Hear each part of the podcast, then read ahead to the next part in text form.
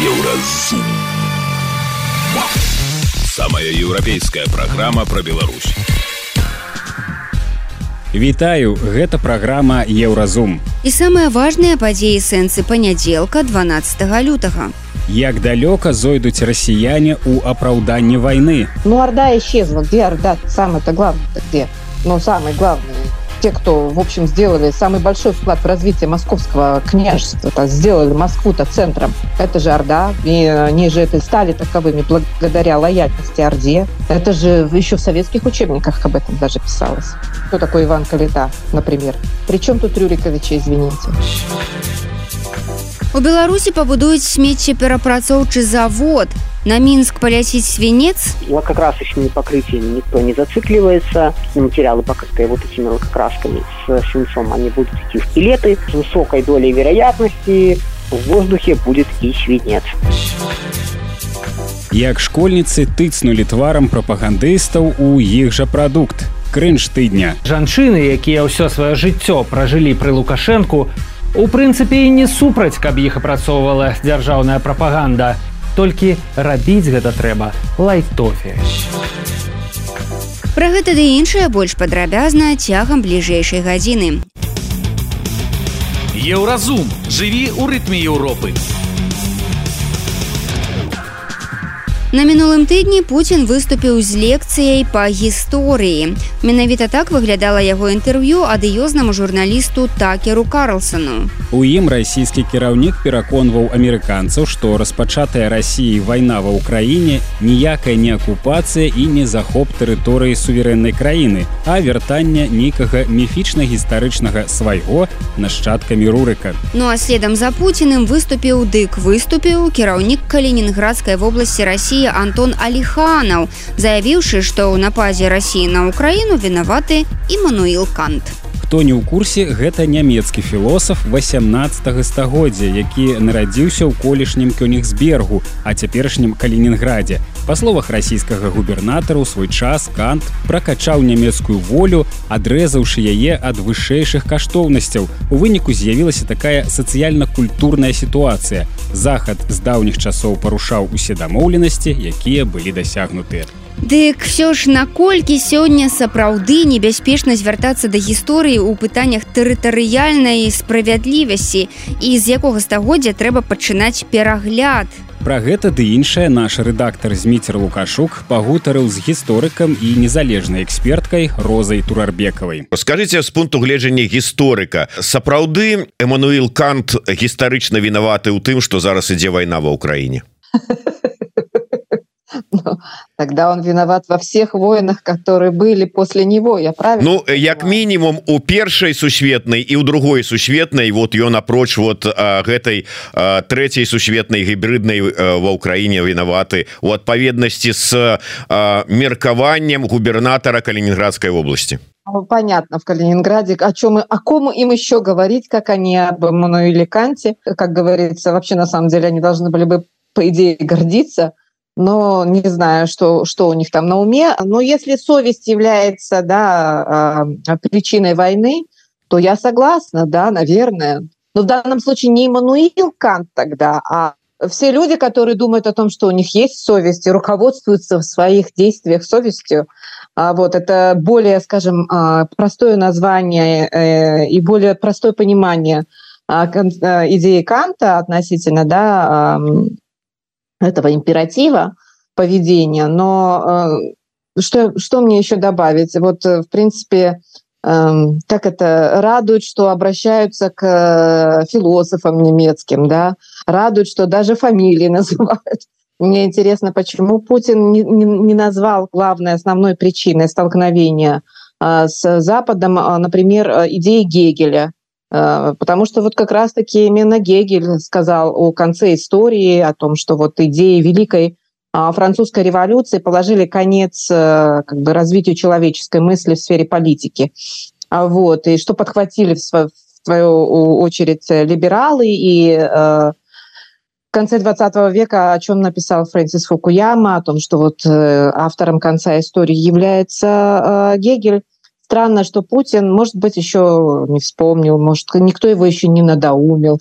Не, ну, ну разумеете, вот гэта, гэта ж вот зусім недалёка, гэта ж вот на поверхні ляжыць, а Путин же ж як космічнага масштаба палітыкі, он же заглядае просто у глыбіні там третье, там пятое, восьмое тысячегоддзе, Рурыковичи мы, вот и вот это вот все. А Кант это ж вот учора было, ну, у параўнанні с этим. Да, а, как это сказать, современная, слишком близкая. Ну, наверное, ну, конечно, боже, э, историческая политика или использование вот э, так называемых исторических аргументов а, в современных политических этих э, речах российских эм, государственных и политических деятелей, это, конечно, тренд ужасный потому что таким образом может э, обосновываться все что угодно. Но, э, к сожалению, знанием истории они э, не блещут. Не блещут. Я еще раз посмотрела, почитала то, что говорил Путин, в частности.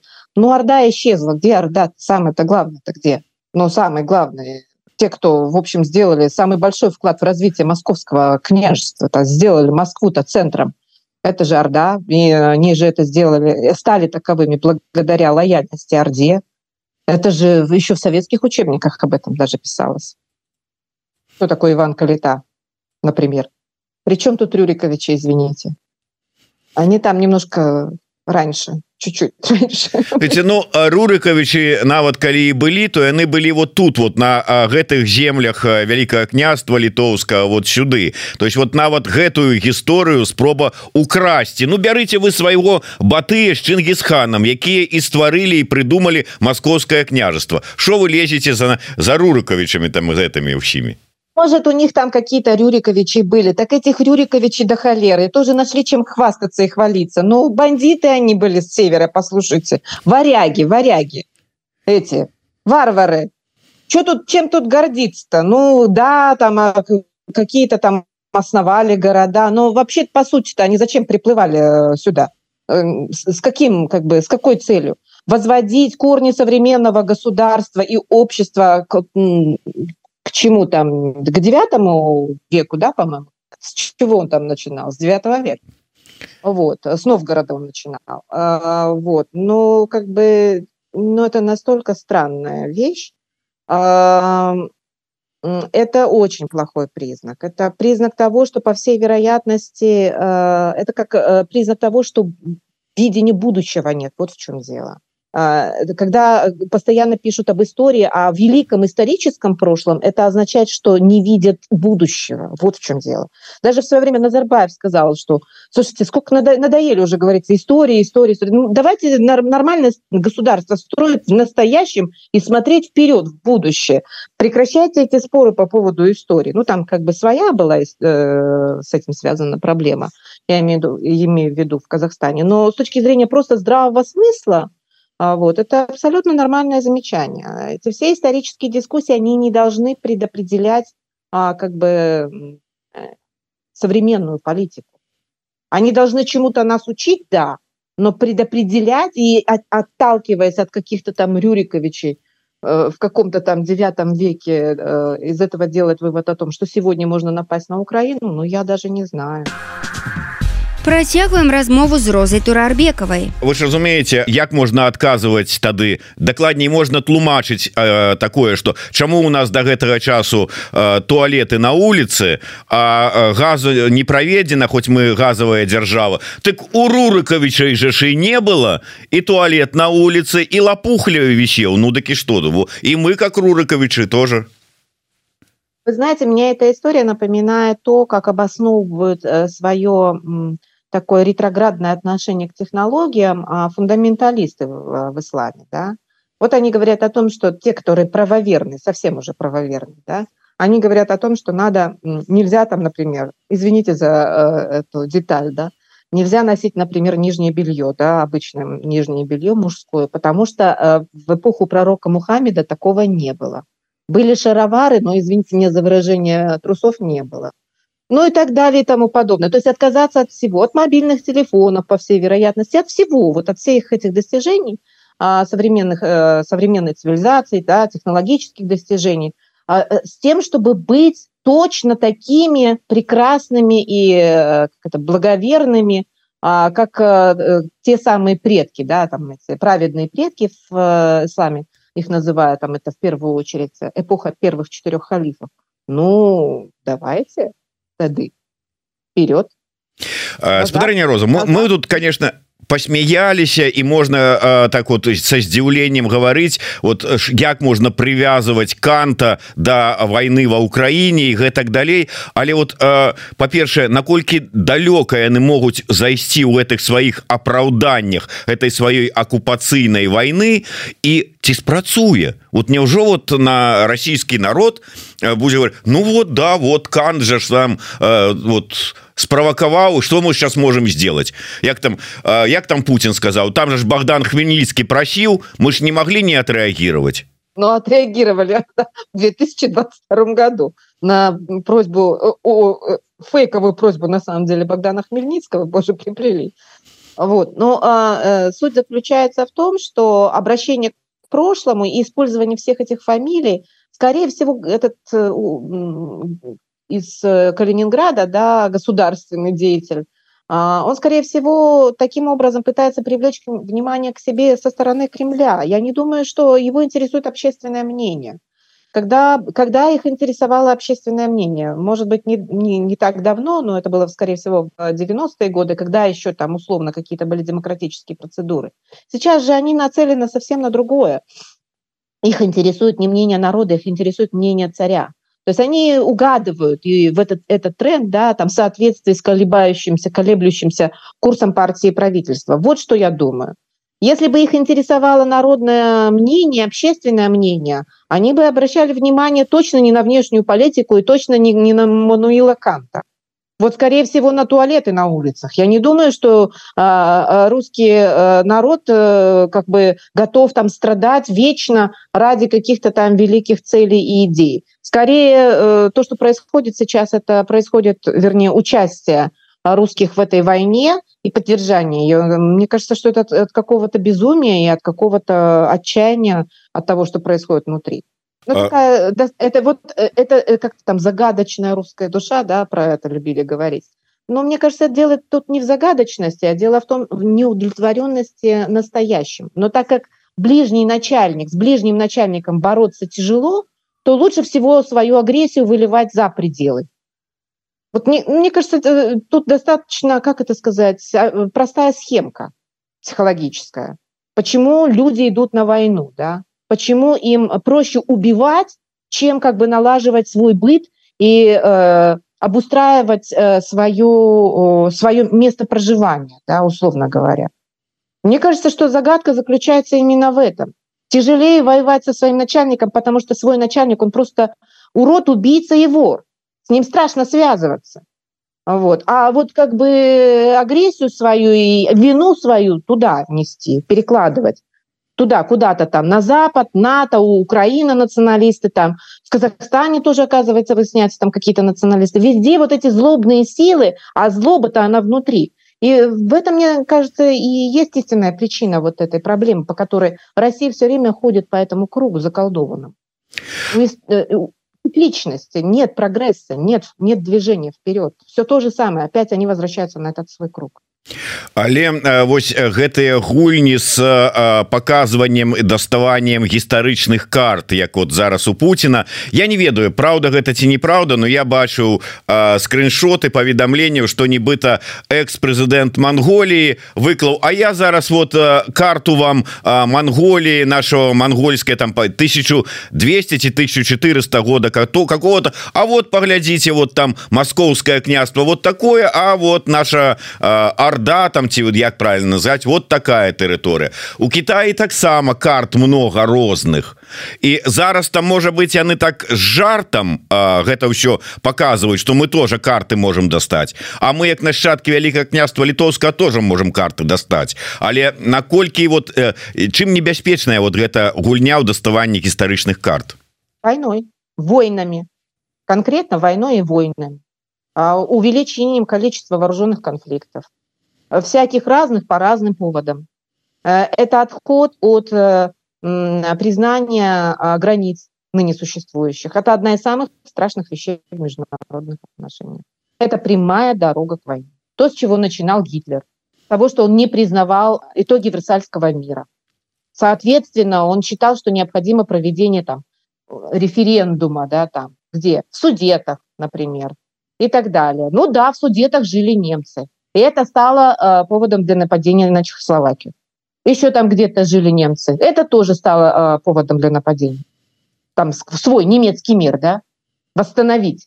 Э, тем более там это прошло не очень много времени по, по итогам Первой мировой войны, да. Э, Вторая мировая война началась буквально через несколько десятилетий прям считанное количество десятилетий. 18 год заканчивается вторая, о, Первая мировая война, в 1939 году начинается Вторая мировая война. Всего 20 э, лет, да? За 20 лет вот эта история с реваншизмом, она в Первой мировой войне, человечество вступило во Вторую мировую войну, которая по своим масштабам и э, результатам превзошла Первую мировую войну, я имею в виду количество жертв там и, и прочее, и прочее. Вот, вот чем чреват, собственно говоря. Гэта была незалежная экспертка Роза Турарбекова. Яна паразважала пра тое, як далёка зойдуць Пуціна яго світа у апраўданні вайны. Еўразум. Беларусь у еўрапейскім фокусе. Далей у праграме Еўразум. У Беларусі пабудуюць смеццеперапрацоўчы завод. На Минск полетит свинец? Вот как раз еще покрытиями никто не зацикливается. Материалы, покрытые вот этими лакокрасками с свинцом, они будут идти в пилеты. С высокой долей вероятности в воздухе будет и свинец. Як школьницы тыцнули тварам прапагандыстаў у іх жа прадукт крынж тыдня. Жанчыны, якія ўсё сваё жыццё пражылі пры лукашэнку, у прынцыпе не супраць, каб іх апрацоўвала дзяржаўная прапаганда. Толькі рабіць гэта трэба лайтофе. Сустрэнемся пасля навінаў спорту. На еўрарадыё навіны спорту 19гадовая беларуская тэнісістка Алёна Фалей перамагла на турніры міжнароднай федэрацыі тэніса ў французскім грыноблі. Дзякуючы гэтаму поспеху яна паднялася ў засветным рэйтынгу адразу на 48 пазіцый. Цяпер фалей займае ў ім 201 месца. Беларуская плаўчыха Аліна Змушко атрымала алімпійскую ліцэнзію на 100 метроўцы брасам. Адбылося гэта на чэмпіянаце свету ў катары па водных відах спорту. Хакеісты мінскага дынама ўсё яшчэ не атрымалі пуцёўку ў плэй-офф КХл. Яны зноў страцілі ачкі ў матчы з чарапавецкай северсталлю, прайгралі з лікам 2-3. Каб нарэшце вырашыць пытанне з гарантаваным восьмым месцам у заходняй канферэнцыі ў аўторак дынамаўцам трэба не прайграць у асноўны час у гасцях віцязю. Футбольный кубок африканских наций выиграла сборная Кот-Девуара. У финале она обыграла футболистов Нигерии 2-1. Бронза у сборной Паўднёва-Африканской республики. На кубку Азіі па футболе перамагла зборная катара гаспадар турніру. Урашаючым паядынку была абыграная каманда Іарданіі 3-1, якая ўпершыню гісторыі дабралася да фіналу. Катар выйграў кубак Азіі другі раз. Гэта былі навіны спорту на еўрарадыё. Заставайцеся з намі.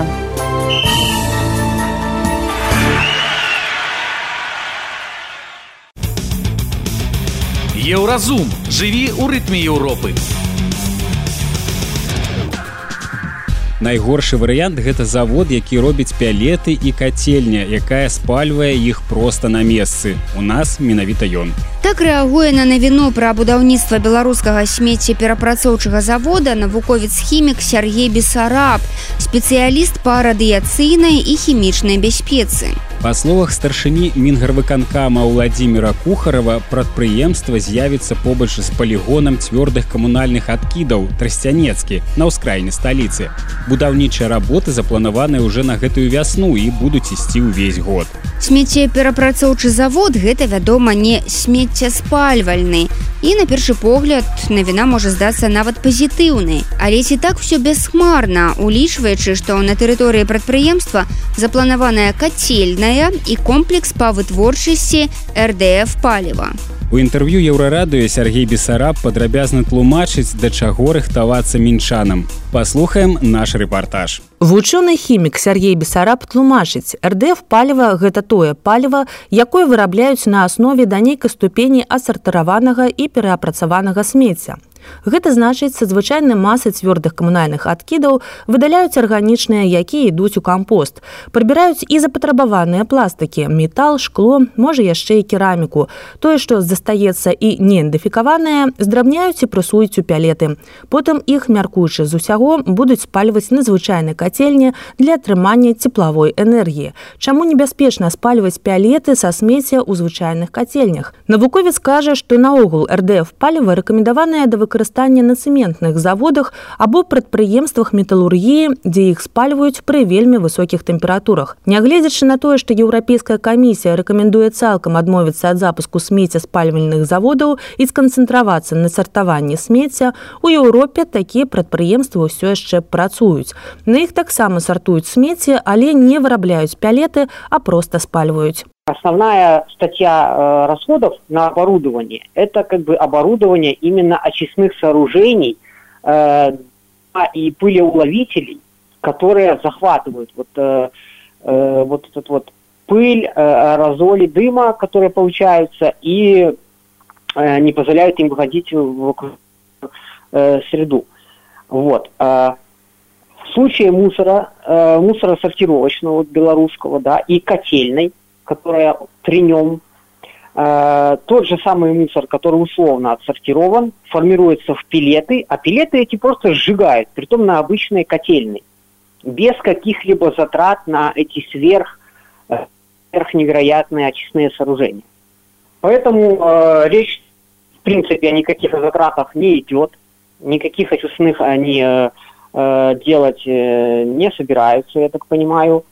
А, и упор на то, что на этапе сортировки мы э, опасные отходы уже убираем, и у нас эти пилеты, они как бы, ну, прям как какое-нибудь там дерево или торф. И мы будем в котельной это недалеко от Минска. И получается, что э, в перечне э, зданий там, которые будут построены, я не увидел никакого упоминания о том, что будет проводиться какая-то проверка вот этого мусора на Э, скажем так, опас, э, какие-то опасные предметы.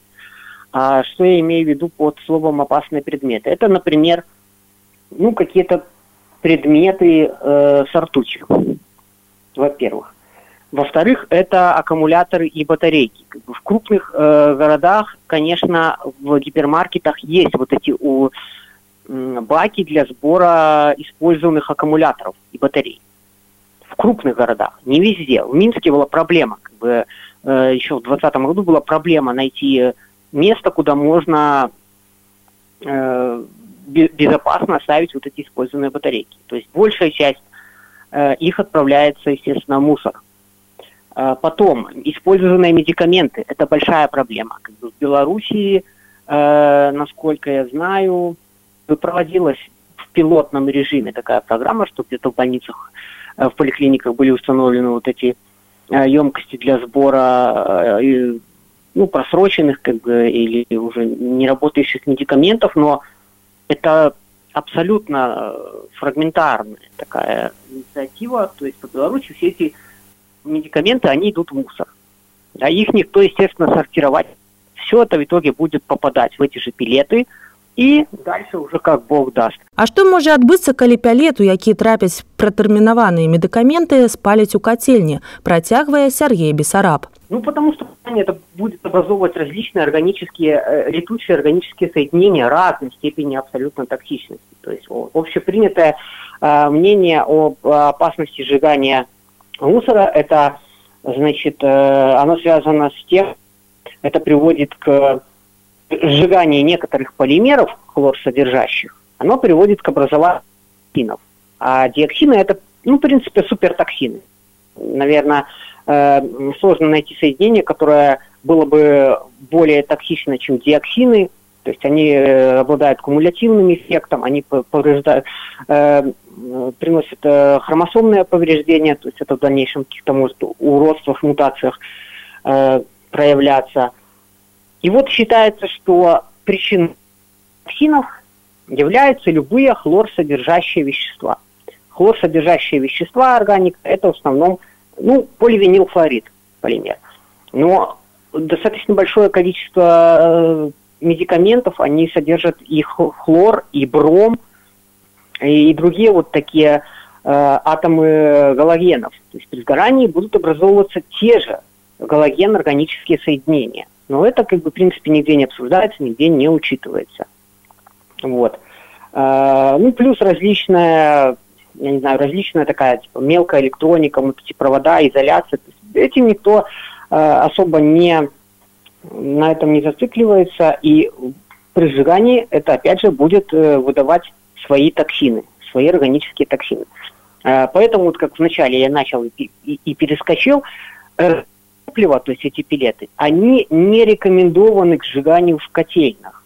Они же рекомендованы для э, отопления цементных печей, например, для сжигания в цементных печах, в металлургических каких-то печах – где температуры выше 1000 градусов, и эти все органические соединения, они просто сгорают. Але сам жа смецеапрацоўваючы завод гэта ж нядрэнна. Суразмоўцы еўрарады пагаджаецца, што любое сартаванне смецця само па сабе нядрэннае. У Еўропе хочуць адмовіцца ад смеццеспальвальных заводаў і цалкам перайсці на сартаванне. Людзі з радасцю сартуюць смецце, бо бачыць, як яго асобна вывозяць. У Беларусі былі спробы ўвесці гэтую сістэму раздзельнага сартавання, але многія з нас бачылі, як прыязджала смецце смецевая машына і ўсё гэта складалася ў адзіны бак да чаго тады паказуха Тым часам у Польшчы многія пункты бытавога смецця складанага складу маюць па 7-8 адсекаў. Асобна збіраюцца люмінесцэнтныя лямпачкі, пауэрбэнкі, батарэйкі і нават тонеры ад лазерных прынтараў. Тым не менш улады праанансавалі будаўніцтва заводу ў Беларусі і хутчэй за ўсё яго пабудуюць. Ці можна яшчэ нешта зрабіць, каб гэта было бяспечна. Как это должно быть дальше, нужно смотреть в развитых европейских странах. То есть э, развитые европейские страны, они отказываются от любых попыток э, сжигания мусора и стремятся к стопроцентной сортировке и вторичному использованию. Так должно быть и в Беларуси. То есть э, э, люди стимулируются, при том еще со школ люди стимулируются э, к пониманию, к выработке понимания о том, что мусор нужно сортировать. И часть этого мусора, в идеале вообще 100%, э, проходит вторичную переработку. То есть пластики идут на вторичные пластики, стекло идет на вторичное стекло, э, биологические отходы идут э, на компостирование, из которого получается биогаз, который, опять же, вписывается в общую систему потребления там, или используется на котельных. Вот это самый оптимальный вариант, э, так сказать, идеальный. Ну, сжигание в котельных, э, мусоропереработка с производством РДФ топлива, э, скажем так, более-менее вариант. Это действительно трансфер вот этих пилет на заводы, где их можно, пилеты, э, при высокой температуре сжечь. То есть, как я уже упомянул, в Жлобин на металлургический завод, в Кричев или Волковыск на цементные заводы, где в цементных печах э, эти пилеты будут сжигаться, и помимо высокой температуры, если даже какие-то вредные вещества там будут образовываться, они будут, в принципе, связываться с цементом. Э, ну, то есть этой полевой фракцией. Они будут связываться как бы на качество цемента, насколько я знаю, это не влияет, но на экологию значительно влияет. Вот. Ну и самый, конечно, худший вариант – это завод, который делает пилеты и э, котельная, которая эти пилеты здесь же и сжигает. То есть пока мы имеем самый худший вариант из всех возможных. Вот. Ну, плюс в том, что сортировка, какая бы она ни была, все-таки проводиться там будет. То есть, по крайней мере, э, какие-то самые опасные пластики они будут извлекать. Э, скорее всего, проверку на радиоактивность они тоже будут проводить. Вот, то есть э, вероятность получить радиоактивные аэрозоли или э, очень токсичные все-таки мала. Вот. Но, тем не менее, остаются еще, например, тяжелые металлы. Вот, э, лидская лакокраска, например, использует свинцовый пигмент, насколько я знаю. И про это, кстати, я даже писал э, в статье на Хабре про свинцовое загрязнение. Лидская лакокраска использует свинцовые пигменты при производстве своих красок. Э, лакокрасочными покрытиями никто не зацикливается. Скорее всего, они будут, э, различные материалы, покрытые вот этими лакокрасками с свинцом, они будут идти в пилеты, то есть с высокой долей вероятности в воздухе будет и свинец. Информационная служба Еврорадио. Евразум. Беларусь у еўрапейскім фокусе. Далей у праграме Еўразум. Як школьніцы тыцнулі тварам прапагандыстаў у іх жа прадукт крынж тыдня. Жанчыны, якія ўсё сваё жыццё пражылі пры лукашэнку, у прынцыпе і не супраць, каб іх апрацоўвала дзяржаўная прапаганда. Толькі рабіць гэта трэба лайтофе. Сустрэнемся пасля навінаў шоу-бізу. Шоу-біз.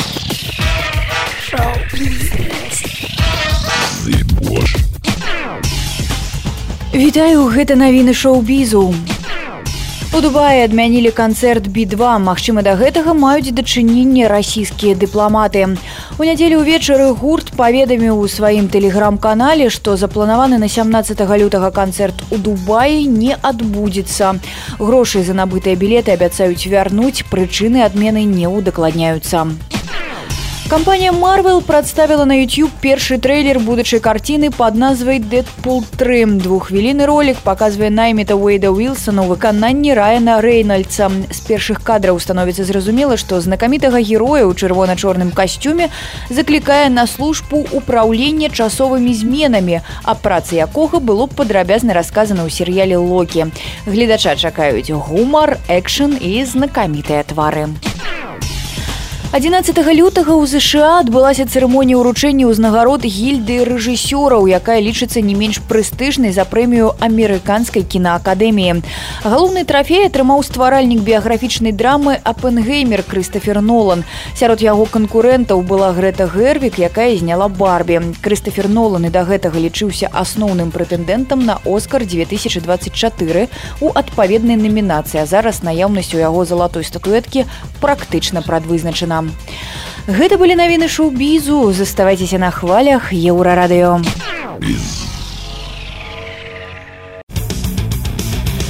Еўразум жыві ў рытме Еўропы.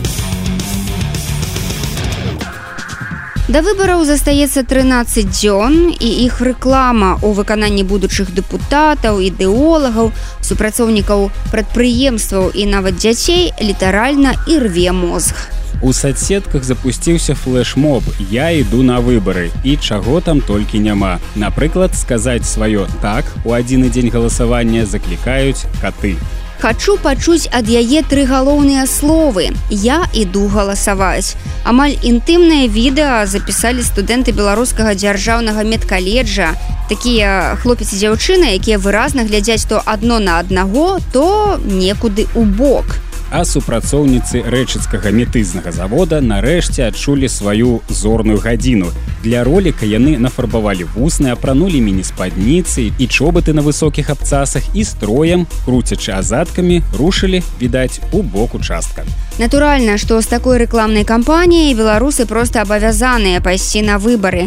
Прынамсі і так спадзяюцца ўлады, але, як апынулася, бываюць і неспадзяванкі ў іх агід кампаніі якія распавядзем у нашай традыцыйнай рубрыцы крынж тыдня.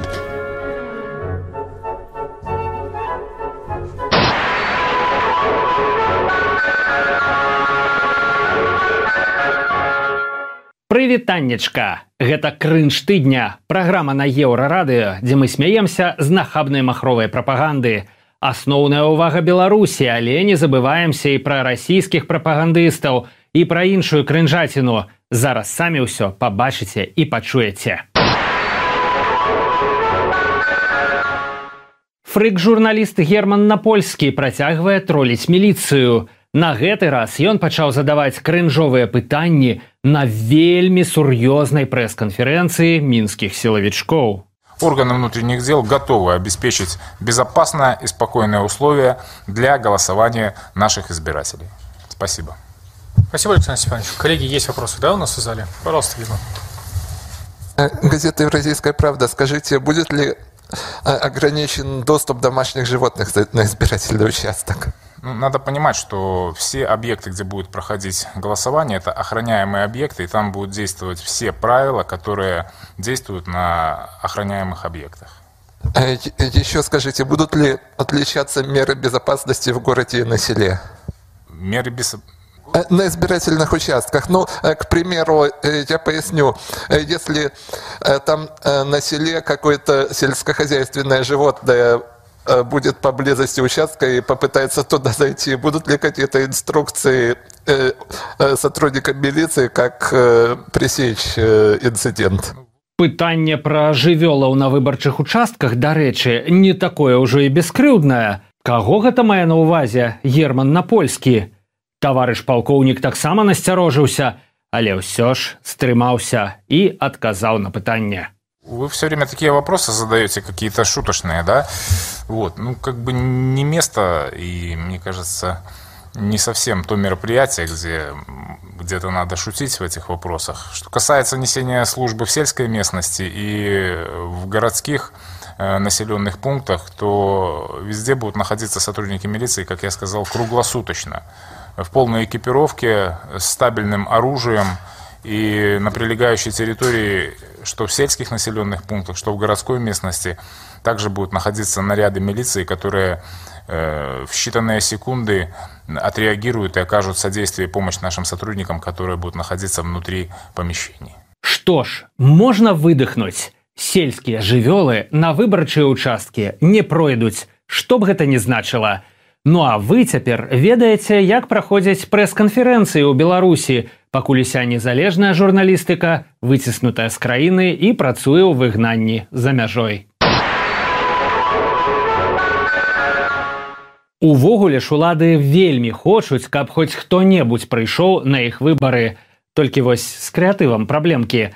Сцэнары ў рэкламных ролікаў убогія, а акторы радуюцца настолькі фальшыва, што выклікаюць жаданне трымацца падалей.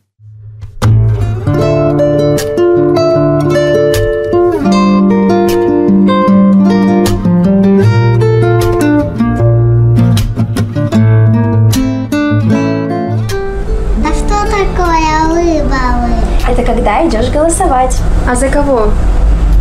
За наше будущее. А мы пойдем голосовать? Конечно же, доченька И я, когда вырасту, пойду на выборы.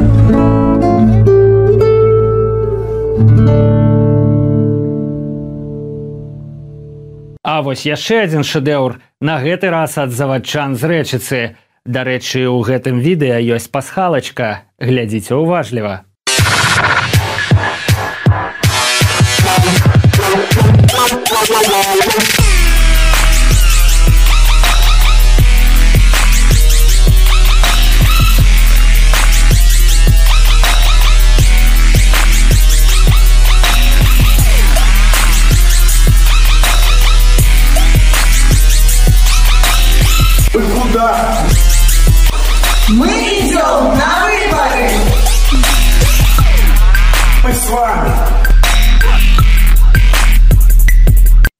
Заўважылі, як некуды зліўся трэці мужчына ў працоўнай форме.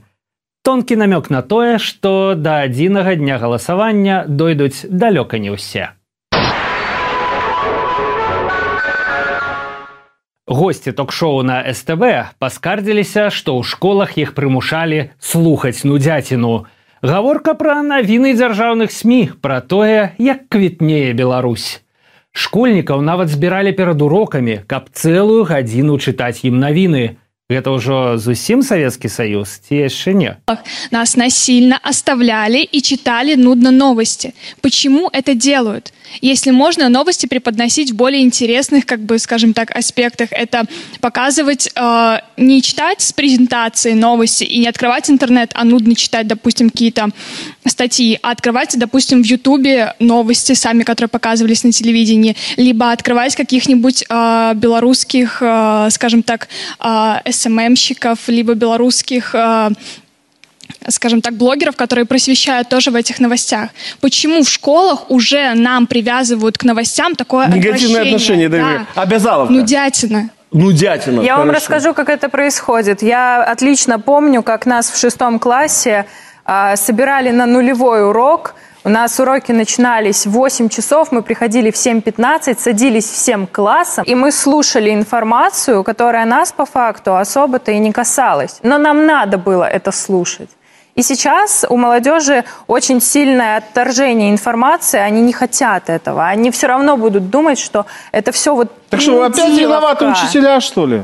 Ну, тут не учителя, ну, тут донесение учитель... информации нужно делать чуть-чуть лайтовее, как вы сказали. Ясно. А крынж тут і ў тым, што гэтыя жанчыны, якія ўсё сваё жыццё пражылі пры Лукашэнку, у прынцыпе і не супраць, каб іх апрацоўвала дзяржаўная прапаганда, толькі рабіць гэта трэба лайтофе. Напрыканцы праграмы пра спорт. Гандбалісты мінскага ска надоўга запомняць гэты тайм-аут у гульні супраць брэскага БГК імя Мяшкова.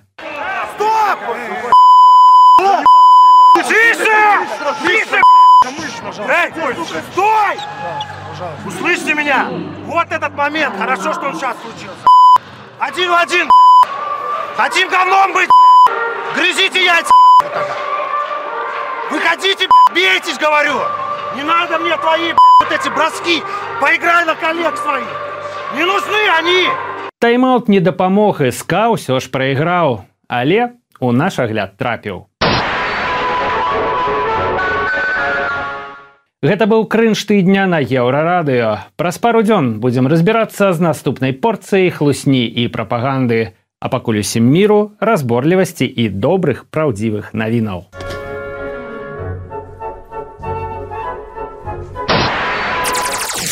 Еўрапейскае радыё для Беларусі. Гэта была праграма Еўразум, штодзённы інфармацыйны падкаст еўрарадыё. Кожны дзень мы распавядаем пра самыя галоўныя навіны Беларусі і свету. А сённяшні выпуск скончаны. Беражыце сябе. Пачуемся.